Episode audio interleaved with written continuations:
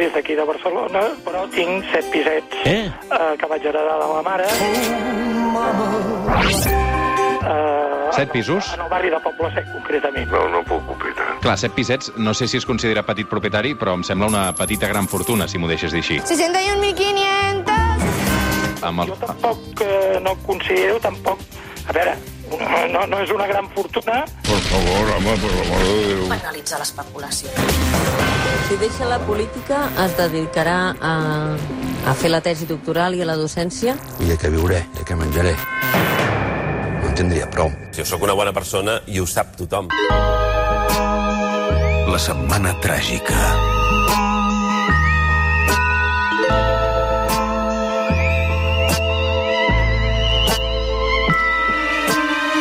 Cada diumenge a la Setmana Tràgica amb un equip de bones persones a Londres. Ion Sindreu, periodista columnista al Wall Street Journal. Bon dia, Ion. Escapa, tinc una proposta per tu. A veure.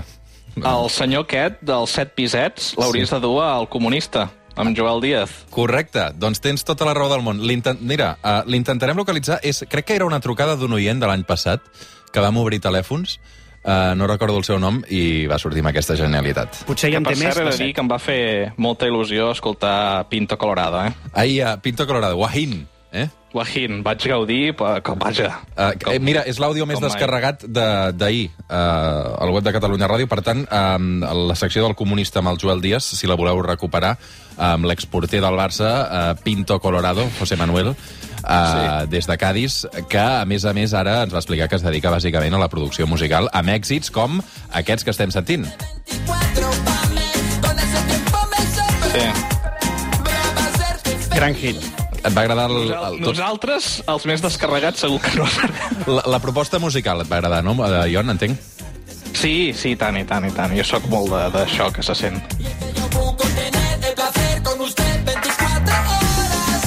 És que enganxa, això. Eh? És, Molt. és sentir-ho i tenir ganes de sortir a la pista de ball. Intentarem fer la secció tota l'estona amb banda sonora de Pinto Colorado de fons, avui. De Wahin Maquinaciones. Correcte. Escolta'm, Ion, una pregunta, ja que estàs aquí parlant del Barça. Tu què tens més ganes, de saber qui acabarà presidint el Barça o Catalunya els propers mesos? Bé, no ho sé. Jo tinc ganes de saber quines eleccions es, es, es faran, no? Perquè jo ja m'he perdut. Com a persona que està des de fora mirant-ho, ja no sé, no sé res. Ja no, no entenc res. Molt per bé. tant, no ho sé. Toni Rodon, bon dia, eh? Bon dia i bona hora. Doctor europeu en Ciències Polítiques, investigador a la London School of Economics, Universitat de Stanford, Califòrnia, investigador, bla, bla, bla, bla, professor de la UPF. Etcètera. Etcètera. És que, clar, teniu uns currículums tan llargs, nois. Total, per acabar parlant de per què mentim. Per què mentim els humans? És una cosa que repeteixo que algú va dir en, en el meu favor, que el que diu l'Enric és la veritat en la boca d'un mentider. Doncs és clar que sí. La veritat en la boca d'un mentider. Uh, això és poesia en la boca d'Enric Marco, l'home conegut per no haver estat pres a Mauthausen, que durant molts anys, recordeu el cas d'aquest personatge, eh? I tant. Uh, va estar Home. explicant que uh, era un... Havia estat a, a, Mauthausen i després es va desmuntar que, que, era, que era mentida, no? Efectivament. Sí, sí, jo ho recordo vívidament, a més, perquè, uh, i això és una anècdota curiosa, a la meva escola uh, s'havia convidat Enric Marco per fer una xerrada uh, i explicar tot això. I, I la mateixa setmana que se suposa que havia de venir, uh, el van enganxar. Llavors, clar, nosaltres ja ens havien explicat tota la història de qui era Enric Marco i tal, i el que ens explicaria i tal. Per tant, va ser, va ser una lliçó en una cosa diferent del que ens pensàvem que seria. A veure, definim què és una mentida, Ion. O Bé, Toni, això, o això és una, una bona pregunta, eh? Um, perquè jo crec que aquí hi ha un gran debat i jo crec que el Toni, com a, com a persona que mira la política, segur que, que ho té més clar.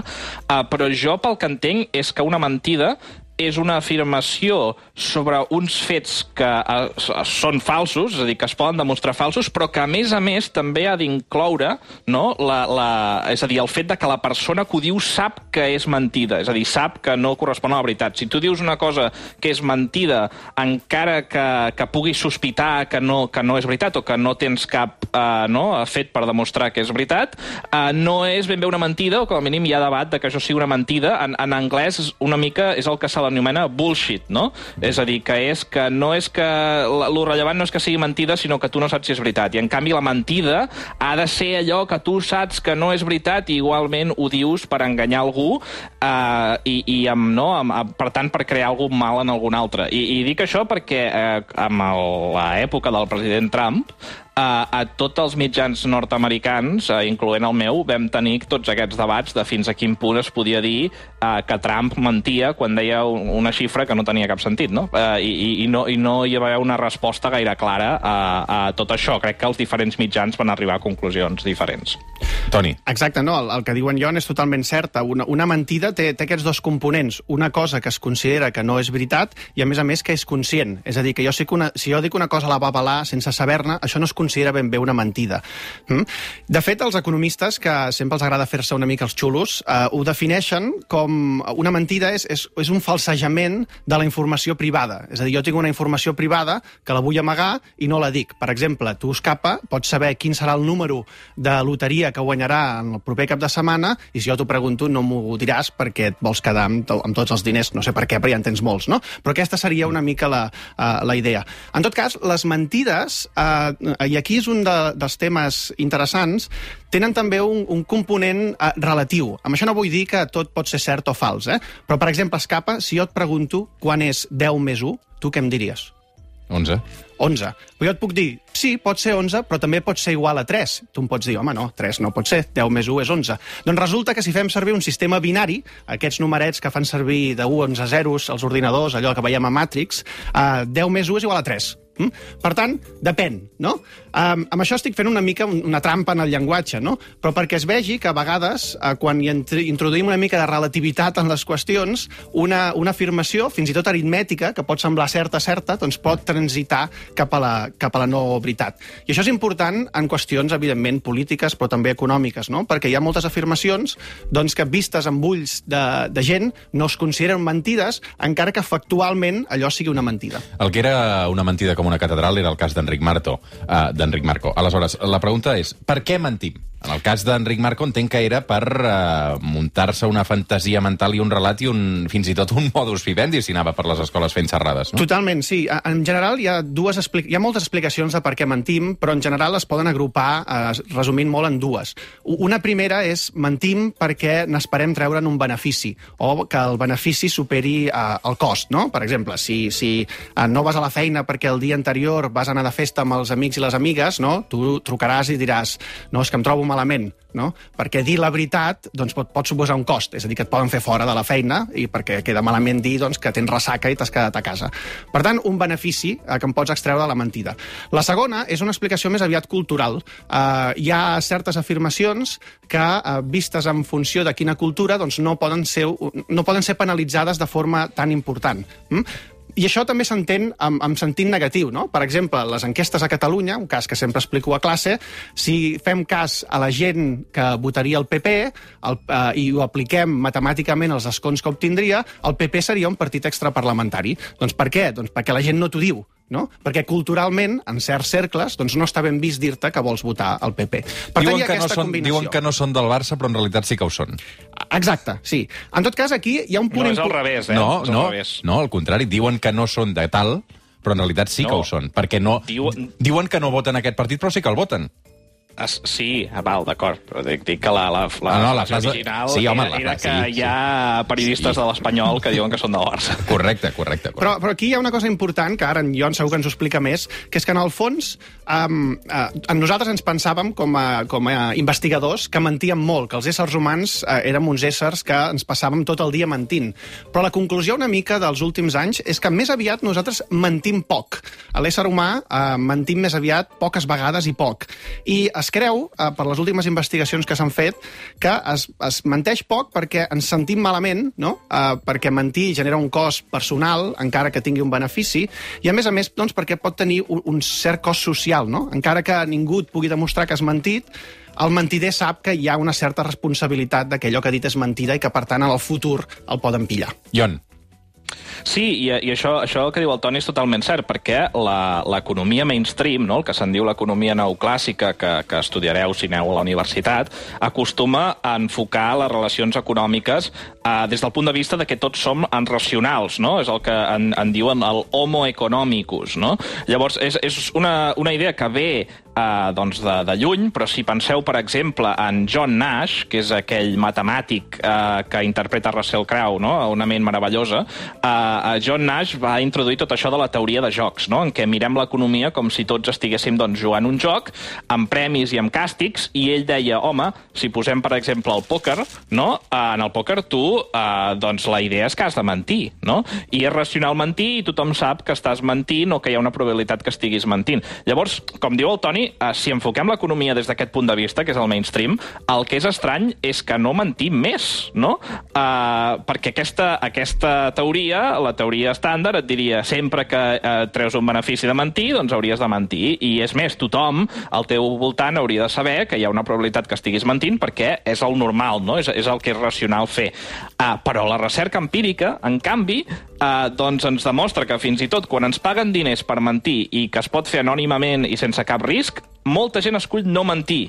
Um, I, de fet, hi ha certa gent que sempre, gairebé sempre menteix, encara que, no, que els guanys siguin pocs i, i que els enxampin. Però la majoria uh, decideix no mentir. I aquí, per exemple, un estudi interessant és un de publicat el 2008 per Nina Mazar, que va demanar a una sèrie d'estudiants que feien un examen de matemàtiques uh, i al final els donaven les respostes, no? el típic full allò que et deia quines les respostes, i els demanaven que fessin autoavaluació, que és allò que et demanen els profes molt progres, no? Diuen, et poses les notes a tu mateix, però la gràcia aquí és que després els deia, destruïu l'examen, no? I llavors els, els donaven diners per uh, cada resposta correcta que encertaven. Per tant, aquí tothom es podia posar un 10, cobrar la pasta i mai es podia demostrar que, que havies fet trampa. Però, quan ho van mirar, resulta que només un 0,6% dels estudiants es va posar un 10 i que, a més a més, si ho comparaven amb un examen en què no es podia fer trampes, eh, doncs resulta que els estudiants només mentien un 7% més del que podien eh, mentir. I, per tant, si agafem una mica aquesta recerca no? I, i en resumim d'altres estudis que s'ha fet, eh, la conclusió és que sí que és veritat, mentim, Uh, i tendim a mentir més com més gran és el guany, però també ens importa molt fer mal a l'altre i com més mal sabem que li fem, menys mentim. I fins i tot en situacions com en aquest estudi en què no hi ha cap càstig, hi ha molta gent que tendeix a, a no mentir. Um, ara, sí que és cert que uh, això està una mica lligat al context, no? És a dir, en transaccions que percebem que són més econòmiques, més uh, no, vinculades a, a, a un joc, no? com podia fer això de John Nash, és un joc en què jo intento guanyar diners, doncs més mentim. Uh, com més està lligat no, a, a qui som nosaltres a la societat, doncs mentim menys. Avui a la setmana tràgica, la mentida. Mentiroso. Mentira. Mentira. Ah. Mentira. A veure, Ion, uh, uh, posa'm context perquè és que vaig perdut. No, és, fa molta gràcia. És Aquest que és un, jo no és el coneixia, aquest, tall, aquest document. És un tall d'aquest uh, economista i, i gestor de fons de, de molt prestigi a la, aquí a la City de Londres, i ho dic amb certa ironia, uh, que és en, en Daniel Lacalle, uh, que, que bueno, ara ja no, ja no sé quin càrrec té a la Comunitat de Madrid o al Partit Popular, em perdo, però uh, en una entrevista uh, d'aquestes, no?, que estaven fent a no sé qui, a la Sexta, crec que era, i ell el tenien allà a l'espera al carrer per comentar, i es va fer molt popular, no?, aquesta, aquest vídeo en què ell anava escoltant l'entrevista i anava dient mentida, mentida, en fi, Mentira. mentira. Tu, Escapa, tu creus que l'estat espanyol mentim molt o poc? Mm, no em diràs que mentim més que la resta del món. Doncs estem una mica en la classe mitjana de les mentides. No som els que més mentim, Com però, sempre, eh? però tampoc sí. És en aquella posició que tampoc destaques, no? però vas fent. No? Som un Valladolid de la classificació, no? Sí. Uh, qui són els que menteixen menys? Doncs, uh, segons els estudis, els, els sospitosos habituals. Uh, suïssos, noruecs, holandesos, danesos, suecs... Els suïssos no, mente no menteixen, eh? No, Ostres, poquet, té més, tela, això. més aviat poquet. De fet, els que menteixen més corresponen a països... Però perdona, eh, un moment, com, com es fa aquesta enquesta? Perquè, clar, és que... No, això no és una enquesta. Són, eh, aquí el que he agafat és la conclusió de diferents estudis i em fixo sobretot en un estudi que es va fer, eh, eh, que es va publicar a la revista Science eh, fa uns anys, fa un parell d'anys, en el que no miraven ben bé la mentida, però miraven sobretot la honestedat, perquè la mentida estudiada en diferents països això no s'ha fet del tot, i la honestedat era un estudi molt divertit que es feia a través de, de moneders, no? És a dir, per exemple, tu t'has trobat en algun moment un moneder a, a terra, no? No m'ha passat mai. Llavors, si et quedes els diners, els tornes a la comissaria. Exacte, no? I van estudiar en diferents països, era un experiment, si eh, es tornava o no el moneder eh, i si es contactava amb l'investigador quan, quan ho trobaven. El mi que sí que m'ha passat és perdre la cartera i, evidentment, no, No va tornar no, mai, no? Ni els diners, ni el DNI, ni res. Doncs en el cas de l'estat espanyol, en aquest estudi concret, es tornaven 6 de cada 10 eh, moneders. Uh, la qüestió graciosa, i potser és la part més interessant de l'estudi, és que quan el moneder tenia diners, es tornaven al moneder. En canvi, quan el moneder no tenia diners, la persona se'l se quedava, no? perquè es considerava que el cost que tenia la persona que havia perdut el moneder era menor i, per tant, no calia uh, tenir, doncs, anar atrafegat intentant tornar aquest moneder a la persona que l'havia perdut. Mm -hmm. uh, Ion, parlant de les mentides també en el teu terreny i, i en el cas de les empreses, penso, per exemple, en el cas del Dieselgate a, a Volkswagen, uh, Sí. que això era una mentida com una catedral, no? Però uh, no sé quin cost va tenir per, per aquesta empresa, perquè Volkswagen continua sent una de les grans marques de, de cotxes, no? Sí, tot i que ara mateix, eh, a nivell de capitalització de mercat, eh, Tesla eh, doncs és, és diverses vegades més valuosa que, que tots els eh, fabricants d'automòbils tradicionals junts, diverses vegades. Eh? Uh, ara, sí que és veritat que, que doncs, directament Volkswagen va haver de pagar, va haver de pagar doncs, bastants diners en, en, en, en multes i sancions, no? Uh, crec que està sobre els uh, 25.000 uh, milions de dòlars, eh, això ho, ho dic de memòria, uh, que són bastants calés, però és veritat que relatiu doncs, a, a, a no, el valor de l'empresa doncs, potser no és tant. Um, I aquí la, la qüestió és una mica, no?, um, per què Volkswagen doncs, no, va, va arribar a aquest extrem de, de, de mentida uh, molt elaborada, no? Perquè recordem que, que ells tenien uh, doncs, un, un programari que desactivava els controls d'emissions no? que, que, que tenien els cotxes quan els hi feien un test, no? per, per això comprovar que, que aquests cotxes efectivament només eh, doncs, contaminaven tant. I eh, quan es feia la conducció normal, doncs es tornava a activar i per tant tu a la vida normal seguies contaminant, no? Eh, que és, una, és un engany doncs, eh, molt elaborat. I clar, jo crec que si, si entenem, com dèiem ara, no, que la mentida s'ha d'enfocar en un context social, és evident que per una corporació multinacional, que no és una persona, no, a mentir doncs, per obtenir un rendiment econòmic és, és doncs, bastant més proper al que diu la teoria econòmica, no, en què doncs, si els hi surt beneficiós és probable que, que ho faran. No? Um, és veritat que aquesta teoria també diu que si les empreses fabriquen un mal producte o enganyen el client, doncs uh, el client acabarà canviant i ells perdran mercat. Però això és una mica una, una bestiesa, eh? perquè uh, sabem que la gent consumim coses que no ens convenen, que tenim curtterminisme, mala memòria, i les empreses, doncs, uh, al final també es poden coordinar per, uh, per prendre'ns la camisa. Per tant, aquí calen reguladors no? que estiguin a sobre del tema. Uh, per anar tancant, eh? una pregunta polèmica. Menteixen més homes o dones, Rodon? Doncs uh, hi ha una petita, un petit debat de qui menteix més, però en general la gran part dels estudis mostren que els homes tenen més tendència a mentir que les dones. I després, clar... Uh, I els nens, per cert. Els nens també. També. I, i després hi ha, clar, el, el factor del grau de la, de la mentida, no? Perquè pot ser una mentida piadosa, potser. Sí, sí. Una cosa, eh, Rodon, i això no sé si tu t'ho has ensopegat, que és que mentir, trencar una promesa, eh, curiosament no són percebuts socialment com el mateix. Eh? No, efectivament. Sí, és a dir, per exemple, uh, doncs, uh, que et venguin unes preferents, no? unes eleccions preferents dubtoses o un cotxe dolent de segona mà, és molt més, com dic, no? és com el cas Volkswagen, és molt més uh, uh, present que no pas trencar una promesa que socialment tots pensem que, que és bastant dolent. I, per exemple, estudi que vaig trobar molt interessant, uh, si uh, uh, es, va, es va provar amb declaracions de la renda no? o, o reclamacions d'assegurances en un estudi del 2012 que si demanes a la gent no mentir. Al principi del full, la gent menteix molt menys que si ho demanes al final del full. Per, per què? Doncs perquè si t'ho diuen al principi, si us plau, sigui honest, eh, doncs consideres que has donat la teva promesa que seràs honest. Si t'ho pregunten al final, quan ja has mentit, dius, bueno, què, què hi farem, no? I després les mentides piadoses, o mentides blanques en anglès, concepte molt, molt bonic, eh, sí que és veritat que la gent eh, molt sovint, quan esperen un benefici, eh, es poden dir. L'únic problema és que els estudis que tenim mostren que la gent que diu mentides bones, o amb un benefici, diguéssim, que que no, que no va més enllà d'aquella mentida o que no és molt dolent, després també és molt més probable que en diguin de dolentes, no? Per tant, en compte en dir que a vegades les mentides poden ser bones perquè també poden generar conseqüències dolentes. Va, uh, puc dir una mentida? Sí. Ah, que no en dius mai? M'encanta aquesta cançó. Pajarito que se mueve, pajarito que va al saco. Siempre anda por encima planeando, vigilando todo lo que está pasando. Mientras Amb tot el que m'heu explicat, uh, Toni i On, clar, això de que els nens i els borratxos sempre diuen la veritat és mentida, no? Sí, és una trola, Sí. com una catedral. Sí, sí.